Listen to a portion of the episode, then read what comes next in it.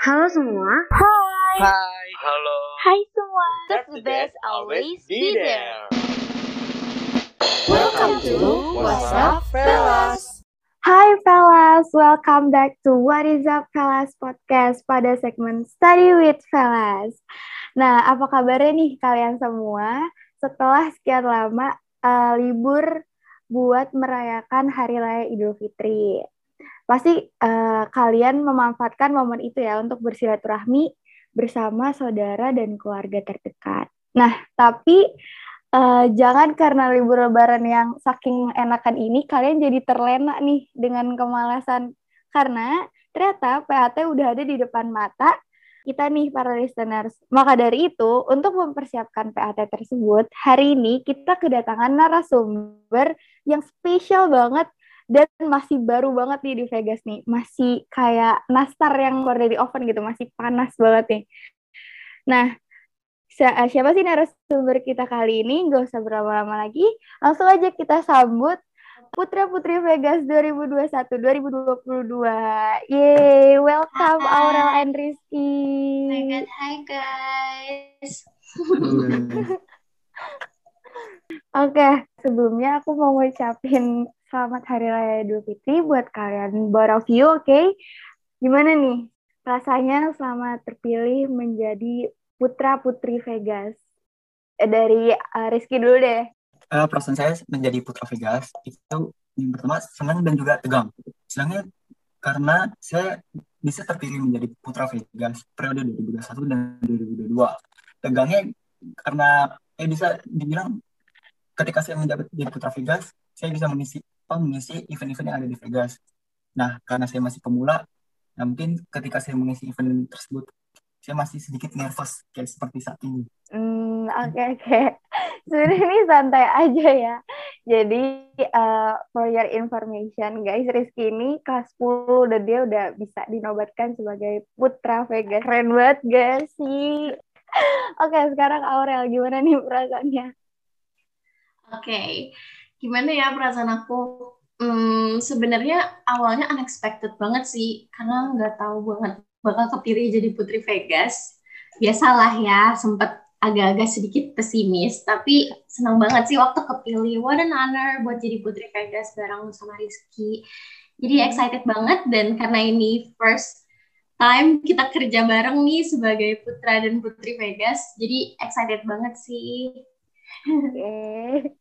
PVC. Jadi uh, Putra Putri Vegas ini tuh kayak ajang tahunan gitu loh yang biasanya itu dilakukan di Vegas gitu. Jadi Putra Putri Vegas ini merupakan ikon dari Vegas ini gitu. Jadi mereka ini uh, ibaratnya gambaran uh, siswa dan siswi Vegas itu seperti apa gitu. Makanya mereka berdua harus benar-benar mencerminkan perilaku yang baik di depan semua orang gitu guys. Oke, lanjut aja nih. Uh, sesuai dengan judul episode podcast kita hari ini, gimana nih persiapan PAT kalian? Kan udah dikit lagi nih mau PAT tanggal 31 kalau di Vegas itu kita mulai PAT kan. Kalau menurut kalian nih, perlu nggak sih mempersiapkan PAT dari jauh-jauh hari? Sekarang gantian dari Aurel dulu. Hey, gimana ya menurut aku perlu nggak sih kita tuh persiapan PAT dari jauh-jauh hari? Jujur, aku tuh tipikal nih kalau aku sendiri ya, aku tuh tipikal hmm. yang uh, kalau misalnya banyak subjek yang harus aku pelajarin dan aku persiapannya benar-benar dari jauh-jauh hari banget, itu tuh kayak cepet lupa gitu. Tapi karena ini udah tanggal segini nih dan udah deket banget sama PAT, ini udah tanggal yang tepat banget sih buat aku mulai persiapan gitu. Dan aku pribadi sih udah mulai persiapan diri dari mulai nge-review-review pelajaran lagi gitu sih. Dan itu ngebantu oh. banget menurut aku. Berarti mengulang pelajaran ya kalau kamu Nah. Oke, okay. kalau Rizky sendiri gimana? Perlu nggak sih kalau saya nyiapin PAT dari jauh-jauh hari? Perlu banget gitu kan. Saya bukan tim kalau orang yang SKS gitu, sistem kebut semalam. Nah, jadi saya sudah menyiapkan materi untuk apa menghadapi ujian PAT dari jauh-jauh hari. Misalnya kayak mencari kisi-kisi ujian, atau mempelajari kembali catatan, catatan, atau mengerjakan soal dan lain sebagainya. Oke kan tadi kalau Rizky berarti bukan tim kebut semalam ya. Oke.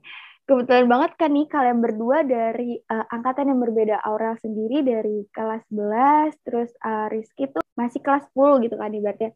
Aku penasaran sih sama pola belajar kalian itu gimana, apalagi dikit lagi tuh uh, bakalan PAT kan. Gimana sih cara gitu kalian buat memahami suatu materi dengan baik dengan situasi yang seperti sekarang? Nah, karena tadi Aurel duluan, berarti sekarang Rizky yang jawab duluan. Ayo, gimana Ki? Mungkin ini bisa kayak tips and trick kali ya. Ah, betul. Tips and trick. Gimana tuh? Nah, mungkin uh, dari saya ada beberapa tips and trick bagaimana cara menghadapi Bapak ujian penilaian akhir tahunan atau PAT ini. Hmm. Yang pertama, mungkin dari saya itu harus optimis. Kenapa saya memilih optimis di tips and trick saya yang pertama? Karena dengan optimis lah, kalian bisa menjalankan suatu aktivitas atau kegiatan dengan sebaik mungkin. Nah, jadi ketika kalian beroptimis, itu kita akan mendapatkan pikiran-pikiran atau mindset kita yang positif. Dan juga akan berdampak positif juga untuk kegiatan kita selanjutnya. Dan yang kedua, kita waktu harus ikhtiar. Ikhtiar atau kerja keras sangat perlu kita butuhkan untuk sekarang ini, yaitu untuk menghadapi ujian PAT. Nah, di sini saya akan menjelaskan kerja keras apa saja sih yang saya lakukan ketika eh, ingin menghadapi suatu ujian. Yang pertama, uh, mencari kisi-kisi ujian. Hmm. Kisi-kisi ujian itu didapatkan sebelum PAT dong. Nah, kisi-kisi yang diberikan dapat berupa cakupan materi atau latihan soal. Nah, uh, dengan kita mempelajari kisi-kisi ujian, kita akan bisa menghemat waktu belajar kita. Yang kedua, mempelajari kembali catatan. Karena menurut saya, kemungkinan besar soal-soal yang ada di PAT ini diambil berdasarkan materi yang sudah dijelaskan oleh guru sebelumnya. Yang ketiga, mengerjakan soal.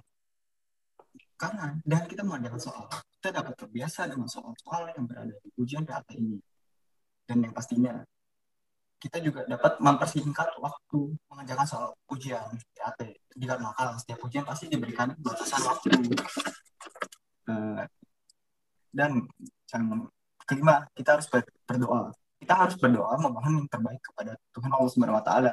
Karena tanpa dia uh, usaha kita akan terbuang sia-sia aja. Dan juga jangan lupa meminta restu atau doa kepada orang tua karena restu orang tua ialah restu Tuhan juga. Dan yang terakhir menurut saya kita harus tawakal. Kita semua hal yang kita telah lakukan kita harus serahkan semua kepada Tuhan. Dan terima dengan lapang dada apa pun hasilnya. Ini sekian dari saya Oke, itu tadi tips and trick dari Rizky. Cukup banyak ya, tapi itu yang, yang harus pertama kali banget itu kita harus optimis gitu kan sebagai orang yang mau menghadapi ujian tuh nggak boleh pesimis terhadap sesuatu gitu. Oke, sekarang kalau dari Aurel sendiri gimana sih? Oke, dari aku gimana nih sistem belajar aku? Jujur, kan kita tahu lah ya, banyak banget nih sistem belajar yang efektif gitu buat diterapkan dan masing-masing tiap orang itu berbeda. Nah, kalau tips and dari aku gimana caranya biar kita tuh ngejalanin PAT-nya nanti lancar dan efektif juga nih selama sistem persiapannya.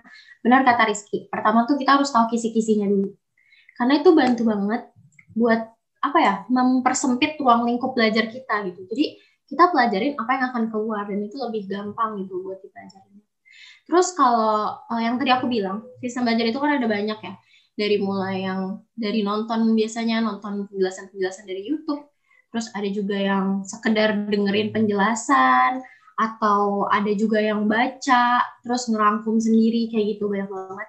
Nah, hmm. kalau yang efektif di aku itu aku menggunakan sistem banyak baca, hafalkan dan tulis. Itu aku, itu aku banget kayak itu efektif banget di aku. Jadi aku makanya dari sekarang itu aku persiapan dari mulai review-review pelajaran-pelajaran yang udah aku laluin selama satu semester ini.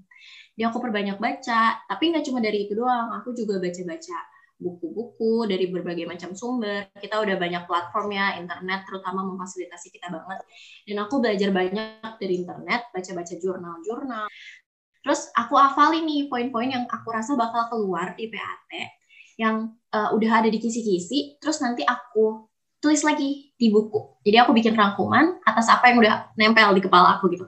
Hmm. Jadi tuh uh, benar-benar makin nempel dan nantinya menjelang ujian aku tinggal baca ulang lagi rangkuman yang udah aku bikin itu dan ya udah benar-benar ready deh jadinya buat ujian. Itu sih yang efektif buat aku. Ya, yeah, I see. Ya, yeah pernah tapi pernah nggak sih uh, kalian berdua tuh kayak uh, kan sering kali ya banyak distraksi kan. Itu hal hal yang wajar sih sebenarnya. Pernah nggak sih kayak jadi nggak ready gitu buat ujian ini? Ya misalkan kayak banyak gangguan banget kayak misalnya banyak acara keluarga itu kalian mempersiapkan tuh hamin lima dari ujian. Pernah nggak sih? Atau bahkan tuh pas hari hanya ujian tuh kalian tuh bener-bener belum mempersiapkan ya gitu. Pernah nggak sih? Kalau dari Aurel gimana? Alhamdulillah ya, kalau ngadepin keadaan kayak gitu sih aku belum pernah. Karena aku tipikal yang kalau mau ngadepin sesuatu tuh harus mateng-mateng hmm. banget gitu. Tapi kalau kita ngebayangin ada di kondisi itu terus gimana? Aku sih yakin banget ya, kayak apa yang udah kita pelajari selama ini itu nggak ada yang sia-sia. Hmm. Jadi at least ada yang nempel dikit tuh di otak. Iya. Jadi kayak ya udah kita tinggal kalau waktunya udah mepet banget, intinya sih sempetin baca sih. Kalau aku sih anaknya penting sempat baca buat ngulang dikit jadi hmm. refresh lagi otaknya kalau aku sih kayak gitu oke okay. kalau dari Rizky sendiri gimana nih uh, kan aku tadi udah bilang aku bukan tipikal kayak orang yang SKS gitu kan uh, aku harus mempersiapkan segala sesuatu hal itu dengan baik sebaik mungkin tapi misalnya bagaimana nih ada suatu kejadian di situ waktunya mepet gitu kan. Hmm. Nah jadi nggak mau nggak mau gitu kan kita menerapin kayak sistem kebut semalam gitu. Kita harus bekerja keras di hari itu juga gitu kan. Kayak kita harus mempersiapkan semata mungkin untuk acaranya bisa sebaik mungkin. Oke, kalau tadi dari awal, kalau misalkan emang ada distraksi yang benar-benar nggak bisa dikurangi gitu kan, uh, Aurel tuh bener-bener sempetin baca sedikit mungkin yang baca kalau Rizky tadi ya udah SKS aja gitu walaupun dia nggak suka SKS oke okay. terus kalian punya nggak sih kendala masing-masing dalam menghadapi persiapan ujian ini kayak misalkan uh, apa ada tugas yang belum kekumpul terus ternyata malah banyak tugas yang disuruh kumpulin dengan deadline yang mepet pernah nggak sih kayak gitu dari Rizky dulu. Uh, mungkin kayak kendalanya, ya benar sih kayak deadline yang singkat dan soalnya yang banyak gitu. Apalagi di masa pandemi ini kan, uh, kita mengerjakan soal-soal bisa dibilang apa digeber sama guru itu harus bisa mengerti. Padahal materi yang diberikan oleh guru itu tidak seimbang dengan soal yang diberikan oleh guru tersebut. Ya jadi mau nggak mau kita harus mencari uh, materi di berbagai sumber gitu. Mungkin kendala saya di situ. Oke, benar sih tapi itu relate banget. Kadang guru cuma ngejelasin A, tapi subjek pertanyaannya itu benar-benar sampai Z gitu loh. Jadi kalau aku sendiri uh, berpikir kayak, oh ya mungkin dia suruh kita nge-survive jawaban itu sendiri biar kita tuh ngedalemin materi itu loh gitu. Jadi uh, selalu ambil sisi positif dari apa pun itu. Kalau Aurel sendiri gimana nih? Kalau aku distraksi yang paling berasa banget nih ya. Enggak sih kalau hmm. tugas, iya itu kayak udah udah berasa banget ya, udah relate banget ya sih di kita sama masa hmm. pandemi ini. Tugas yang banyak, deadline mepet, terus gurunya juga kayak gitu kadang ngejelasinnya. Kayaknya itu udah udah mulai terbiasa aku kayaknya sama kondisi kayak gitu. Tapi kalau uh, kondisi yang lumayan ngedistract aku, aku tuh sekarang ini kayaknya masalah problematika semua orang nih masa pandemi. Males. Iya sih. Iya benar-benar. Agak, agak ini ya, apalagi habis libur gitu kan ya. Mm, kayak aura-aura semangatnya ini mulai berkurang ya. Benar-benar. Udah udah terbiasa santai karena liburan. But it's iya, okay. Kayak kita harus ingat kalau kita nih mau ngadepin PAT. Jadi aku sih Bismillah maksain gitu harus harus maksain dan buat kalian yang ngerasain kemalasan itu kalian harus belajar semangat semangat pokoknya harus semangat maksain. Itu distraksi terbesar aku sih karena suka uh, apalagi kan PJJ gini kan mau kelas sambil rebahan bisa gitu kan semua bisa diakalin pokoknya kalau selama uh, situasi yang seperti ini gitu kan. Cuman iya sih emang males tuh kadang uh, jadi suatu distraksi terbesar dan penghambat terbesar. Oke, okay? ini aku ada sedikit games nih buat kalian. Ini tuh games mitos atau fakta dan uh, have I ever or never gitu kan. Oke, okay, yang pertama. menurut kalian ini mitos atau fakta sih? Nomor ini jawabannya barengan aja nggak apa-apa ya. Nomor absen menentukan hasil ujian. Menurut kalian gimana? Mitos. Mitos. Iya. Kalau dari Rizky sendiri, Eh, kalau aku fakta sih. oh kenapa kenapa? Eh, karena kan nomor uh, nomor absen juga dilihatnya bisa dari apa pesertanya kan bisa aja kita uh, ada teman kita yang pinter tapi di absen yang paling awal gitu sedangkan kita di paling akhir jadi kan kita nggak bisa istilahnya ya sesama pelajar nggak bisa kerja sama lah. Oke, Kan bisa berarti Rizky tim fakta, aku sama Aurel tim mitos. Itu mitos sih sebenarnya kayaknya. Karena kepandaian seseorang tuh nggak bisa ditaruh di nomor absen, bahkan kepandaian seseorang tidak bisa ditakar dengan suatu nilai gitu. Logisnya tuh seperti itu menurut aku ya. Oke lanjut. Eh, menurut kalian nih, pengawas menentukan hasil ujian itu mitos atau fakta sih? Ini lucu banget sih. Aduh, aduh, aduh. Nih, bahaya nih pertanyaan. menjebak sekali. Ayo menurut kalian apa nih guys? Rizky dulu deh. Ya Rizky dulu apa nih? Ah, sama sih yang kayak tadi aku bilang fakta juga karena apa ya kalau misal pengawasnya galak pasti kita juga diawasin secara ketat kan jadi kita nggak bisa Hmm. kerja sama juga jadi ya gitu loh Kalau Aurel gimana? Kalau aku, menurut aku itu mitos kalau kalian belajarnya dengan benar. Dan fakta kalau kalian mau kerja sama. Tapi kalau bisa jangan jangan sampai jadi fakta guys. Iya jadi ini benar. tuh Mungkin mitos. mungkin gini kali ya pas menentukan hasil ujian jadi nambah panik aja nggak sih dari kita Oh terus iya, iya jadi bener, bisa bisa. panik gitu kan mikir jadi panik ngeblank nggak bisa mikir gitu kan itu oke selanjutnya detik-detik terakhir nih pada ulangan matematika adalah waktu keramat mitos atau fakta. Fakta, fakta. Sejujurnya menurut aku ini fakta. oke kalau dari Rizky gimana? Ya sama fakta juga. Kenapa nih? Kenapa? Ada yang bisa jelasin sedikit nggak dari kalian berdua? Kalau dari aku sih ya, kayak stigma mengenai matematika itu scary kayaknya udah turun temurun banget ya. Hmm, iya benar buat disebut waktu ujian matematika adalah waktu keramat kayaknya emang deh. Mau ngerti sekalipun kadang tetap aja deg-degan. Kayak Iya, sampai karena shaky. ada MTK tuh ada panic attack-nya sendiri nggak sih? Iya, bener. Kapan pun itu, walaupun udah menguasai materi gitu kan. Oke, eh, pertanyaan terakhir dari mitos atau fakta. Kalau belum sarapan bisa bikin gak fokus. Itu mitos atau fakta menurut kalian? Eh, aku sih fakta ya karena kan di dalam makanan juga kayak mengandung karbohidrat yang sebagai sumber energi jadi itu bisa memfokuskan kita juga untuk menjalankan suatu aktivitas Oke, kalau dari Aura? Fakta sih sama. Apalagi aku tipikal yang harus sarapan, harus makan dulu sebelum menjalani sesuatu. Jadi bener banget kata Rizky. Makanan kita tuh perlu banget jadiin sumber energi. Dan kita perlu energi yang maksimal buat ujian. So, it is a fact for me. Oke, oke selanjutnya have I ever? Eh, pertama, ngangkat kaki karena guru pengawas bisa baca pikiran. Pernah nggak sih kalian? Aduh, Oke, aku I have never. aku belum pernah sih nemu guru yang bisa baca pikiran aku. oh iya. Rizky sendiri gimana? Ya, aku juga belum pernah Oh, belum pernah. Oke, oke. Belum pernah dua-duanya nih, guys. Oke, lanjut.